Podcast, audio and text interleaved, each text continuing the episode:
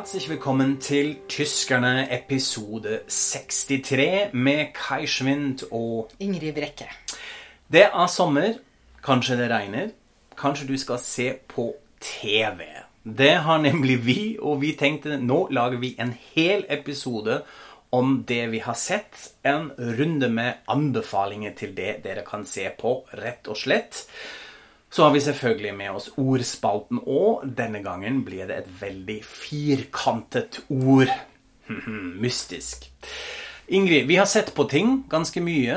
Eh, Du har til og med sett på en film på kino som du hadde lyst til å snakke om. Ja. Hva var vært- dette? Jo, det var da Lara Jenkins. Jeg har vært på helt ekte kino med popkorn og alt. Riktignok så var ikke dette noe egna film for popkorn, så jeg spiste det ikke. Men det lukta, og jeg fikk kinostemning.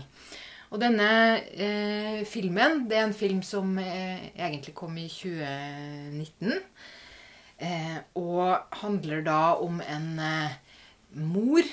Eh, vi møter henne. Hun våkner opp på sofaen i sitt eh, eget hjem fordi hun skal eh, delta og være sånn vitne under en husransaking. Eh, politiet kontakter henne. Eh, litt sånn, hun våkner litt sånn brått. Og så skjønner vi ganske fort at det faktisk er hennes 60-årsdag. Eh, hun er veldig sånn alvorlig, litt sånn streng. Eh, hun utover dagen Hele filmen pågår i løpet av denne ene dagen. Hun prøver å ringe til sin sønn eh, mange ganger, får ikke kontakt. Han er da eh, musiker, komponist, skal debutere om kvelden med sitt første fremføring av sitt eh, egenkomponerte verk. Og vi skjønner egentlig ganske fort at hun dama er ikke riktig god. Eh, ingen snill og varm person. Og eh, jeg skal ikke røpe så mye av hvordan dette arter seg, for det er egentlig det som er eh, historien eh, i eh, filmen. Mhm. Før du forteller oss hva du syns om filmen, syns jeg vi må høre på et lite klipp. Hallo, Viktor, ich bin's. Herzlichen Glückwunsch zum Geburtstag. Der 60. Wie geht's Ihrem Söhnchen so, Frau Jenkins? Hm? Was macht der gute Viktor? Ich würde gern mein Guthaben abheben.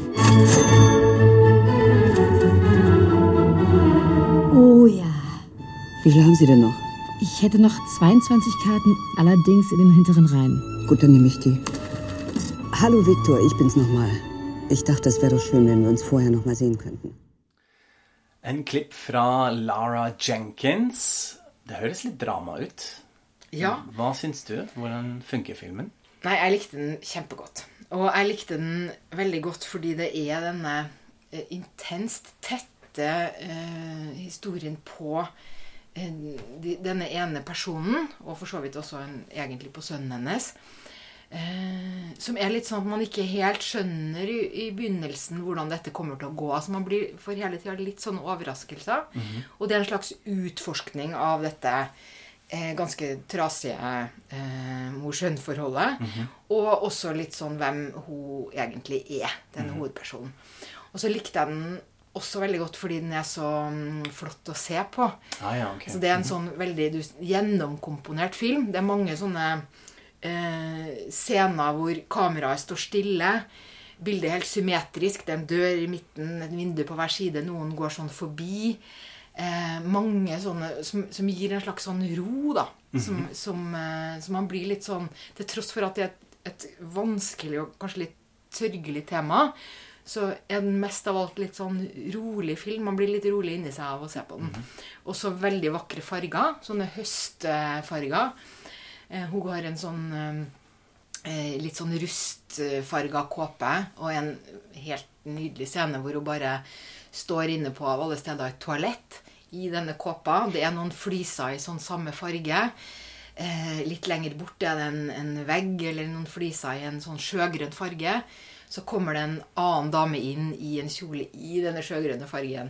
Så all, alle disse tingene gjør eh, at man får også en sånn stemning eh, hvor man tenker at det både er, eh, er vakkert, og at denne høstfargen kler jo også hele dette. Eh, temaet, da. Så må vi kanskje si litt om filmskaperne òg, fordi hovedrollen spilles jo uh, rett og slett av Corinna Hafuch, en av de mest kjente, største filmskuespiller uh, og teater, så vidt. òg uh, vi har i Tyskland, hun er også kjent internasjonalt, som spiller altså mora.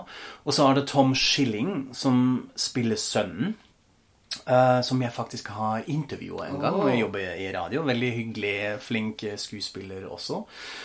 Og uh, regissøren uh, er Jan Ole Gerster, en, eh, ja, en liten shootingstar, tysk regissør, fortsatt ganske ung. eh, og han slo jo gjennom med filmen Oh Boy, som kanskje en del av lytterne våre har uh, sett. Den heter, har den litt teite tittelen eh, 'Coffee in Berlin' når man søker den opp på Netflix. Vet ikke hvorfor de ikke helt stolte på tittelen 'Oh Boy'. Den funker jo veldig bra òg. Og da spiller Tom Schilling hovedrollen av en sånn ung mann som uh, er helt lost i livet og vandrer gjennom gaten i Berlin og uh, snakker med folk. Og dette er jo nesten en sånn egen sjanger, Berlin-filmen. Og det virker jo som Lara Jenkins spiller litt inn i det òg, selv om det handler mer om forhold her. Ja, altså den foregår jo i, i Berlin, men det er jo en film hvor det ikke er så viktig hvor den er satt, tenker jeg jo. Altså det er jo dette Ja. lille kammerspillet. Eh, men eh, jeg fikk litt grann assosiasjoner til Unorthodox, denne Netflix-serien med denne eh, unge kvinna som rømmer fra et sånt ekstremt eh, reaksjonært eh, jødisk miljø i, i New York eh, og til Berlin, og kommer opp i et sånt klassisk musikkmiljø. Som jeg, jeg likte det også bare fordi at det er så mange, det, det er så mange sånne klisjeer om Berlin. Man skal liksom alltid være inne i disse graffiti-bakgårdstedene og sånn. Men også Lara Jenkins foregår jo da rundt liksom konsertlokalet, på litt sånn finere kafeer. Eh, kanskje litt mer der hvor berlinere flest tradisjonelt sett føler seg hjemme, da. Eh, så det, er en, det er ikke en Berlin-film. Man ville aldri kalle det det, men den foregår nå der, da. Ja. Mm. Eh, Jeg ble minnet litt på, både i forhold til tematikken og estetikken, til eh, Michael Haneke-filmen 'Pianolærerinnen', som eh, er jo, eh, kom jo en stund siden, jeg tror det er fra 2000-2001, med Isabel Uper i hovedrollen, som også handler om eh, et eh, litt vanskelig forhold mellom en mor eller en sønn, men er eh, mye farligere, tror jeg, enn eh, den filmen her. Eh, Men de er kanskje litt sånn i slekt tematisk, og kanskje blir Jan Ole Gaste litt eh, inspirert av, av denne filmen. Også litt av estikken, hvordan han ikke filmer. Det er også mye sånn stille, rolige tagninger, og hvor folk beveger seg, men ikke kamera. Så det blir jeg litt minnet på. Men jeg skal se på Lara Jenkins. Det hørtes eh, veldig spennende ut. Skal jeg fortelle litt hva jeg har oppdaget? Ja, for du var jo entusiastisk i en helt annen eh, en sjanger enn denne litt eh, fredelige lille filmperla. Mhm. Fordi jeg har oppdaget et talkshow, et tysk talkshow på Netflix, tekstet på norsk. eh, som er derfor ganske interessant for lytterne våre, tenker jeg. Jeg hadde hørt om det talkshowet, men visste ikke at den skulle vises internasjonalt, sånn sett, eh, på Netflix. Eh, Det heter eh, Bare et spørsmål til av programlederen Frank Elstner. Og den tyske tittelen av talkshowet av Vetten das was'. Og det gir nok et lite hint eh, hvem han Frank Elstene er, hvis man ikke er kjent med han. Han er en veldig veldig kjent programleder, er nå 77 år gammel. Og er mannen som oppfant underholdningsshowet Vetten das, eh, som har vært stort og pregende gjennom 80- og 90-tallene. Eh, spesielt for etter den ble tatt over av Thomas Gottschalk, mm. en, en annen veldig kjent tysk eh, programleder. Og var i flere år kanskje det største eh, underholdningsprogrammet i Europa. Fordi den ble jo vist på direkte i Sveits og Østerrike òg, og ble da veldig kjent etter hvert eh, fordi det var så mange kjendiser, Hollywood-kjendiser og musikkstjerner som var gjester eh, der. Det var en sånn rart blanding om eh, litt sånne aksjoner som man måtte vedde på. Derfor heter det Vettendass, om folk klarer å gjennomføre de eller ikke. Blandet med talkshow-elementer. Uh, og den ble også litt gjort narr av, spesielt uh, i, i, utlandet, fordi da satt disse amerikanske Hollywood-kjendiser på sofaen med en tolk i øra og skjønte ikke hva som foregikk, mens plutselig kjørte en med en traktor over noe egg, og man skulle si om de funker det eller ikke. Så for dem var det nok litt sånn herregud, rar tyskere her med deres underholdning. Men det er altså Frank Eltsne som oppfant det formatet, eh, og så har han gjort masse annet. Eh, men nå har han altså det talkshowet her hvor han har invitert en rekke med gjester. Han snakker med én gjest per episode, så det er ikke uh, flere. Bare one-to-one-samtaler. Uh, og han har bare invitert de folka som han selv syns er veldig interessant og hyggelig og sympatisk. Så dette er et sånn kosetalkshow. Oh. Yeah. Det er ikke bråk og kontroverser og sånt. Og så er det noe både med gjestene som han har invitert, og måten han er som intervjuer, som, som er ganske interessant. Jeg tror at dette kan være litt interessant for norske uh, seere òg, fordi de gjestene er egentlig ganske kjente. Altså, hvis man er litt opptatt av Tyskland òg, men også internasjonalt. altså Blant annet av Daniel Brühl med, en ganske kjent skuespiller. Uh, som sikkert mange har sett i Goodbye Lenin. Han var også med i Inglorious Bastards av uh, Quentin Tarantino. Og så spilte han racerbilsjåfør Nikki Lauda i filmen Rush. fikk veldig gode anmeldelser da òg. Og han snakker med Frank Elsner om eh, ja, sin ungdom, sin karriere, at han vokste opp eh, med eh, tospråklig. Han har en mor fra Spania, han snakker flytende spansk, og de snakker veldig mye om dette, som ja. var veldig, veldig morsomt. Og så er Charlotte Roach en annen gjest, som kanskje en del av våre lyttere har hørt om. Hun er forfatter og eh, programleder og også en kjempespennende podkastserie med mannen sin hvor de snakker om forholdet sitt. Men hun blir kanskje mest kjent eh, fordi hun ga ut en bok eh, en del år siden som var veldig kontrovers, som handler om sex og kropp og alt mulig og skapte en stor skandale. Ja, den var så eh, omtalt at eh, selv jeg eh, skrev om den i Aftenposten, faktisk, ja. da den boka kom. Okay. Og den fins jo også eh, utgitt på norsk. Mm under tittelen eh, 'Våtmarksområder'. Mm -hmm. Feuchtgebiete på tysk, mm -hmm. 'Wetlands' på engelsk. Det ble også film av det, som funka ikke så bra. Men da blir hun altså superkjendis, og det var mye snakk om det. Hun har også et veldig traumatisk liv. Hun har opplevd en helt forferdelige hendelser i familien sin, som de også snakker om, som har preget henne veldig mye. Og dette er en veldig fin samtale om det, og det har noe å gjøre med at Frank Elstner holder seg veldig tilbake. Han koketterer litt med at han er en sånn gammel mann som kjenner ingenting av hva de unge driver med, og er litt sånn litt uh, farete, onklete. Men det betyr egentlig at han gir masse rom til gjestene sine. Uh, han er veldig ydmyk. Han sitter ikke der og mansplainer og vet alt bedre. Og iblant kommer han med veldig gode oppfølgingsspørsmål hvor det blir tydelig at han har lest seg veldig opp på gjestene. At han kjenner dem egentlig veldig, veldig godt. Og klarer på den måten å lede samtalen på en veldig fin måte. Så er det noe med scenografiet og de sitter ved et langt bord. Uh, hvor, har, hvor, du har masse glass og tallerkener, og det ser ut som de har vært på en fest, og de har de siste to gjestene igjen, som bare sitter på hjørnet av et langt bord og har en sånn en intim samtale. Og iblant blir det også uh, ganske følsom. Det kan vi høre her. Nein, bloß nicht. Also, ich finde das ganz, ganz rührend und ich finde das sehr, sehr nett und ich fange sofort an zu weinen, wenn Sie das so sagen, so nett. Ähm, Nein, da müssen wir ganz schnell anfangen, ja, okay. wieder zu lachen. Auf jeden Fall, nein, aber ich freue mich darüber. Ja, dette her er altså Lena Meyer Landsrot, eh, bedre kjent som Grand Prix Lena, som sikkert også mange nordmenn husker da hun vant Grand Prix, altså Eurovision Song Contest, i 2009 i Oslo. Eh, med Satellite. Eh, og hun er jo superkjendis og har fortsatt en musikkarriere i uh, i Tyskland. Og det som er litt artig, er at de to, altså Frank Elstner og Lena, har hatt et sånn litt uh, uheldig møte før, fordi han skulle intervjue henne uh, året etter, uh, da eh, Eurovision Song Contest hadde kommet til Tyskland. Og han visste egentlig ikke helt hvem hun var. Og, så hadde de et veldig dårlig intervju hvor han var litt sånn passiv-aggressiv og litt slem mot henne, og hun himla med øynene, og det var veldig dårlig. Og intervjuet gikk viralt eh, og ble gjort narr av. Og det snakker de om altså her, hvor hun blir så rørt og begynner å gråte fordi han han ber om unnskyldning, og hun syns det var så fint at de har blitt venner igjen.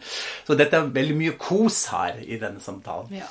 Det høres deilig ut. Jeg syns også det er veldig bra at det fins et sted hvor nordmenn kan bli litt sånn kjent med tyske personligheter, kjendiser og sånn. Fordi det er jo noe av det som er veldig vanskelig når man skal formidle Tyskland i Norge, at nordmenn vet ikke hvem noen er. Så man har ikke noe sted i det hele tatt man kan begynne. Men hvis folk begynner å se litt på dette, så begynner man å få en liten inngang inn i den store um, tyske eh, verden av hva som er aktuelt akkurat nå.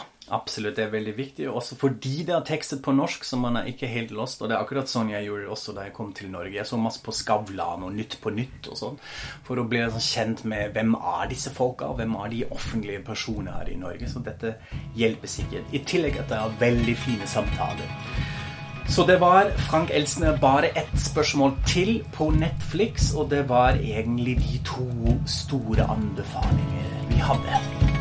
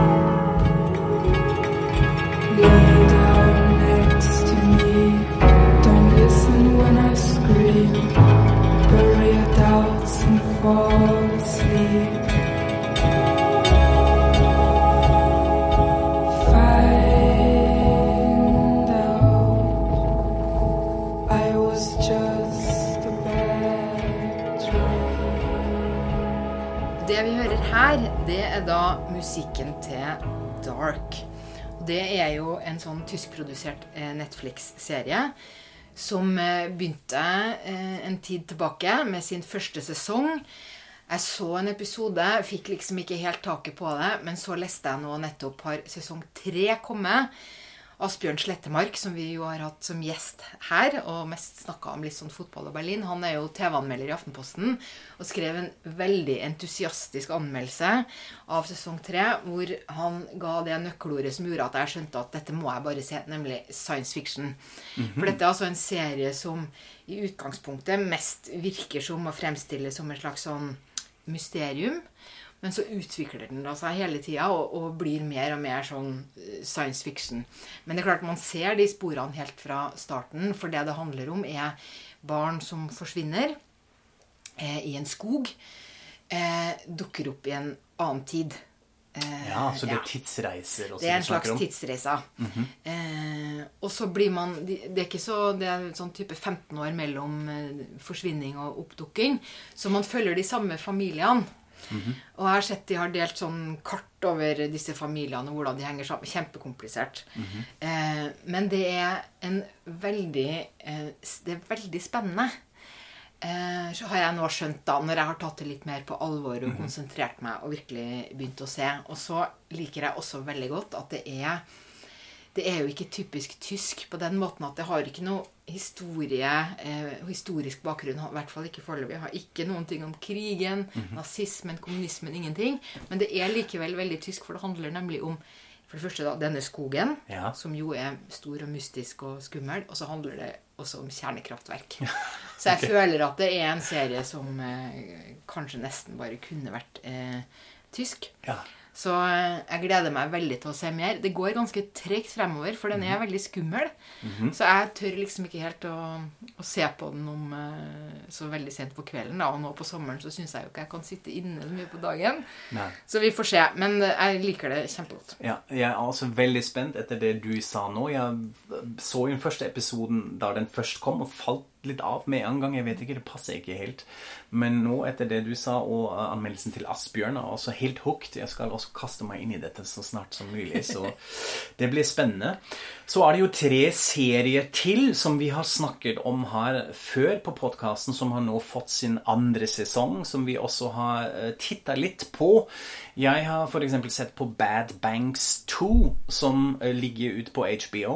Uh, begge sesonger, for øvrig. Og dette er jo en ganske spennende serie fordi den spiller i min hjemmeby Frankfurt. Som mange vet, er Frankfurt jo kjent for å være finanshovedstaden i Tyskland. Kanskje til og med i Europa nå, etter europeisk sentralbank har flytta dit. Og det er det som skjer i første sesongen. Dette handler altså om investment bankers, uh, som er jo disse slemme mennesker som har ført oss alle inn i finanskrisen i 2008.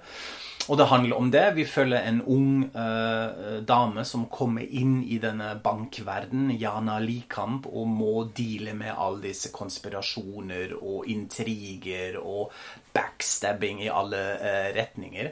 Og dette funker veldig veldig bra i første sesongen, eh, fordi mm, selv om den serien fikk en del kritikk at dette er litt overdrevent eh, på den måten, så er den faktisk veldig bra researchet. Jeg kjenner jo også mennesker som har vært litt bort i denne verden, som har jobbet som investment bankers i Frankfurt, som sier dette er Helt sant. Iblant er det faktisk litt sånn pynta litt. Dette er sånn. Da er det folk som tar kokain, som klikker, som brøler på kontoret, og det er akkurat sånt.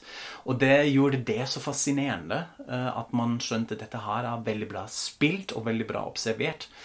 Så er det denne andre sesongen nå, og dessverre funker det ikke helt så bra. Jeg tror de har Eller jeg syns de har gått litt inn i denne andre albumfelle. Eh, at man prøver å gjøre det enda større og enda mer dramatisk. Nå altså er det drap og vold og enda mer klikking. og Det er stort sett de samme personene, men det er også litt utroverdig på en måte at man følger noe av de samme fortsatt, selv om de egentlig er ikke så relevante lenger. og Det er altså veldig mye Uberdrama, kan man kanskje si. Og det syns jeg fungerte dessverre ikke så bra. Så det er litt sånn at den kritikken som kom mot første sesong, den er gyldig mot eh, andre sesong? Det er litt sånn, men heldigvis er jo fortsatt Desiree Nosbusch med, som spiller en av de få kvinnelige hovedrollene, som er helt fantastisk, som kan bri- briljere i fire språk. Og så.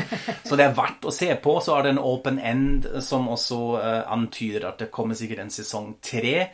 Men eh, ikke så vellykket sesong to. Så har vi jo enda en serie som, hvor vi alltid er litt usikre i hvordan det er med tallene i tittelen. ikke sant? Altså Tyskland 86, 83, 85 Hva Ja, var det? Den har eh, du sett. Ja, først, først var det Tyskland 83. Ja, ok. Mhm. Deutschland 83.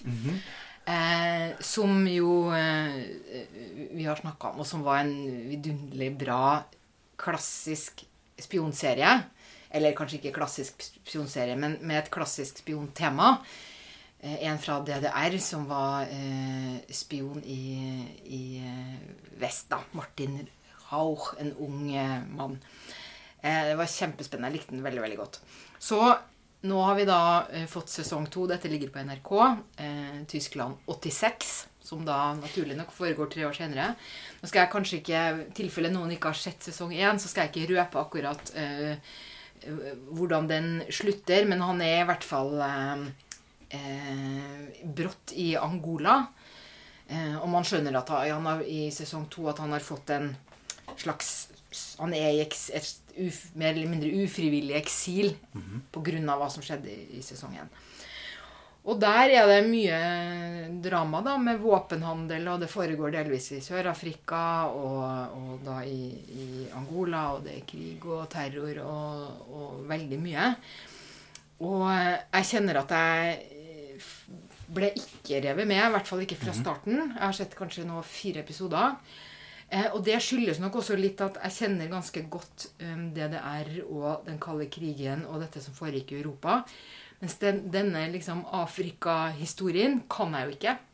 Og da havner jeg i den at jeg blir sånn litt usikker på hva er det her som jeg kan liksom tenke på som det var sant, eller dette er historisk korrekt. Eh, og, og hva er bare funnet på.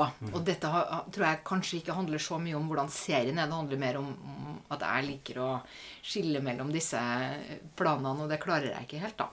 Men det som er et slags større tema altså Hele serien foregår ikke i, i Angola og Afrika. fordi at vi er også da vitne til et uh, slags medisinsk eksperiment uh, hjemme i, i Øst-Berlin, hvor de da uh, hyrer ut syke mennesker til et vesttysk legemiddelfirma for litt sånn eksperimentering. Sånn at det overordna temaet er det hvordan et nesten bankerott DDR prøver å tjene penger på alle mulige eh, grusomme måter. da. Og det er jo historisk eh, eh, korrekt. Så får vi se hvordan det utvikler seg videre. Så Det er Tyskland 86 som ligger på NRK, eh, og nå er det jo litt artig at vi faktisk beveger oss inn i historien uansett. Ja. Vi klarer ikke å Nei. slippe unna. Nå er vi i kommunismen, Ja. og nå lander vi endelig på andre verdenskrig, fordi også Das Båt har fått en annen sesong som, som ligger på NRK. Eh, Vi har sett, eller jeg har sett den første sesongen da den kom. Dette er jo basert eh, på en bok og også en film og TV-serie fra 80-tallet, Das Boot, som har da blitt en ganske stor internasjonal TV-serie. Nå handler altså om en ubåt som er stasjonert i La Rochelle i Frankrike midt i andre verdenskrig, og man eh, ja, opplever litt hvordan de har det da når de må ut på oppdrag eh, under havet, som er ganske forferdelig, denne situasjonen. Men det handler altså også om menneskene på landet, om eh, resistansen i La Rochelle, og hvordan de prøver å motvirke nazistene osv. Uh, veldig gode skuespiller, og nå har altså kommet sesong to. Ingen av oss har sett den. Men vi skal kanskje det, hvis vi orker litt andre verdenskrig eh, i, i sommeren her. Eh, men hvis noen av lytterne våre har sett den, da hører vi gjerne fra dere. Så dere må gjerne anbefale eller advare om andre sesongen til Das Båt er også verdt å se på. Det var kanskje det vi hadde. Det Ja. holder jo litt. Men vi kan ikke gi oss før vi har eh, besøkt ordspalten vår. Da har vi jo allerede eh, sagt at vi har veldig firkantet ord med oss. Eh, litt mystisk, hva betyr det? Jo, dette er et veldig relevant tysk ord, vil jeg si. Relevant i den forstand at, den er, at det er veldig kjent, og at det blir brukt veldig mye. Men jeg fikk inntrykk at den er litt vanskelig å oversette på norsk, og til andre språk også, nettopp fordi dette er litt sånn sær og spesielt tysk. Nemlig ordet 'spisig'. Eller den personen som er spisig, det spiser substantivet. Hvordan kan vi oversette det på norsk? Ja, nei, dette er jo et av disse tyske ordene som er sånn at når jeg leser eller hører det, så har jeg en slags følelse av at jeg skjønner det, men med en gang jeg skal begynne å liksom si hva det betyr, eller oversette det til norsk, så blir jeg litt sånn usikker. Eh, Jeg tenker jo at det betyr sånn uh, borgerlig, uh, småborgerlig kanskje. eh, jeg får også litt sånne assosiasjoner til kanskje litt snobbete, eller, eller å- være sånn moralsk korrekt, eller et eller annet. eh, med et, ganske uklart ord for meg. Ja. Jeg ble jo møtte det ordet først, det husker jeg ganske godt når jeg var barn på 80-tallet, eh, og var hos bestemora mi i huset hun bodde i en sånn boligblokk. Og da hadde de en sånn regel at det måtte være stille mellom klokka ett og klokka tre, som kanskje fins fortsatt i eh, noen bygårder. Jeg vet ikke om man hadde dette i Norge også. Middagsroe. Zwischen eins og drei er middagsroe. Og da fikk ikke vi barna lov å leke ute eller lage bråk. Og det var noen naboene også som likte å påpeke dette. Og de omtalte min oma som spiser. Ah, de er så spisig, fordi Ja. de, de er opptatt av regler, av de Ja. husordningen.